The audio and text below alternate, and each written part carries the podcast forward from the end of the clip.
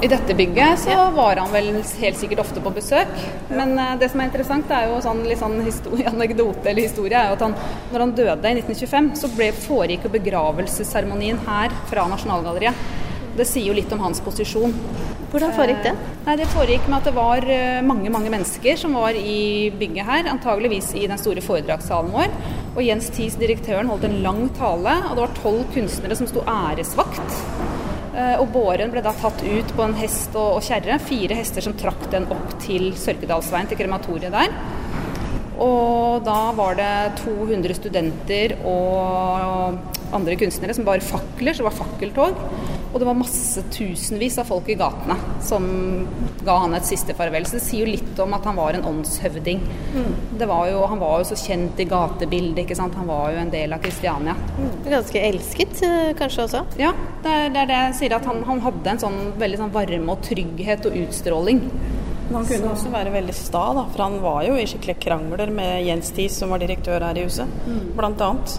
Selv om han satt i innkjøpskomité og, og, sånn, så de kunne ryke i tottene på hverandre. De var vel antagelig like engasjerte begge to. Mm. Albertine-romanen ble jo utgitt 20.12.1886. Og dagen etter så ble den jo beslaglagt fordi den var en krenkelse av bluferdigheten. Og det var, da ble jo voldsomt eh, debattert, fordi det var eh, Mange oppfattet jo det da som en eh, Altså at ytringsfrihet ble kneblet. Eh, og Krog måtte jo da til uh, Høyesterett. Først ble han dømt i byretten, og så ble den anket til Høyesterett. Han måtte til Høyesterett for å forsvare boka, men ble allikevel dømt. Men han fikk ikke fengsel, sånn som Hans Jæger fikk for sin Kristiania-bohemene. Men han måtte betale jeg tror det var 600 kroner i bot. Så den ble fortsatt forbudt, så rettssaken førte ikke fram til noe. Men det var veldig veldig mange som eh, engasjerte seg og diskuterte rundt den boka. da. Både litterater og ja, redaktør Thommessen i Verdens Gang, og også da Georg Brandes. Det som er med Christian Krogh, er at han er veldig, veldig, veldig kjent kunstner, og liksom alle har på en måte, norske nordmenn har liksom Christian Krogh, ikke sant? Mm. men han, han, har ikke, han har ikke vært så veldig selveksponerende. Og det syns jeg er interessant, at han fremhever jo andre. Uh, og han forteller ikke så mye om hva han tenker og føler og sånne ting. Det er liksom også i journalistikken hans at han fremhever andre mennesker. Hvorfor det? Uh, nei, Det tror jeg nettopp er fordi at han ønsker å, å vise, som jeg sier, altså fremheve andre typer individer og, og, som en del av demokratiseringsprosessen som han har ønsket uh, å fremme. Og at han da ønsker å vise hele samfunnet. Hva er det samfunnet vårt består av? Hvorfor var han ikke mer selveksponerende, tro? Det tror jeg var fordi han var veldig trygg på seg selv. Så han behøvde ikke å på en måte få den oppmerksomheten eller Han hadde, må ha hatt en sånn veldig altså Når man leser karakteristikker av han, så får man inntrykk av en veldig sympatisk person. Veldig varm og sympatisk, men kunne også likte veldig godt å sette i gang en debatt. da, liksom en sånn sånn provosere litt, bare for å få i gang noen debatter. Det var liksom det han var kjent for på Skagen og sånn i det miljøet der. Nå kommer liksom Normann og setter i gang en uh, debatt. Hvis vi f.eks. sammenligner med Munch, så har kunsthistorien vært veldig fokusert på han som person. Mens man hos Krogh har ikke vært så fokusert på han som person og hans si, indre sjeleliv eh, i det kunsthistoriske faget. Det har vært veldig sånn biografisk eh, retta. Mens hos Krogh så har kunsten fått leve, og sakene fått leve eh, mye mer på egen hånd. Tror du det kan ha vært noe av intensjonen hans? Ja, det tror jeg. Han hadde jo absolutt ikke en sånn strategi som det Munch har hatt. Han skriver selv et sted at symbolismen syns han er jo veldig åpen og støtter jo unge, nye kunstnere og er veldig åpen for nye retninger. Og kunst må hele tiden endre seg, og nå er liksom vi utdatert, vi gamle og sånn.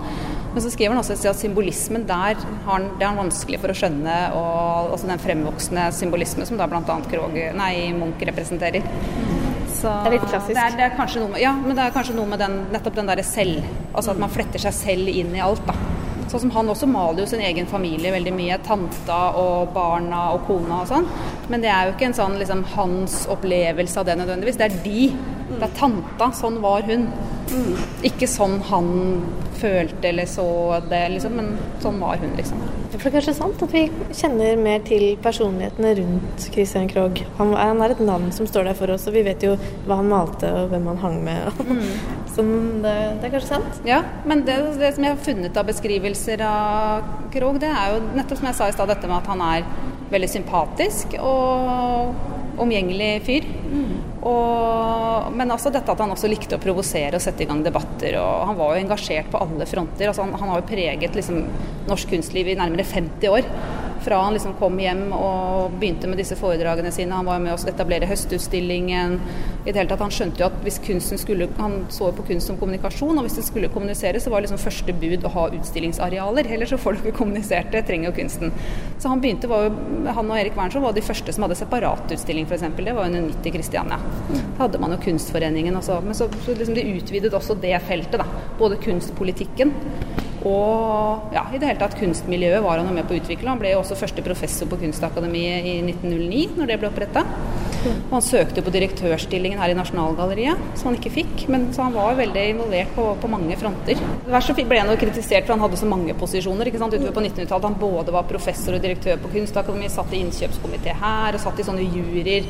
Når norske kunstnere skulle representeres i utlandet, så var han i juryen, og så valgte han kanskje ut en stor andel av sin egen familie, Oda og Per og sånn. Så han ble kritisert for sånne ting også etter hvert, da. Så det er ikke det at han bare Han var ikke helt plettfri, men Er det et snev av liksom dårlig samvittighet også? Han kommer jo fra et veldig borgerlig hjem selv, og det må jo ha vært en sånn klassekonflikt i han hele veien. Han må jo ha tenkt mye på det.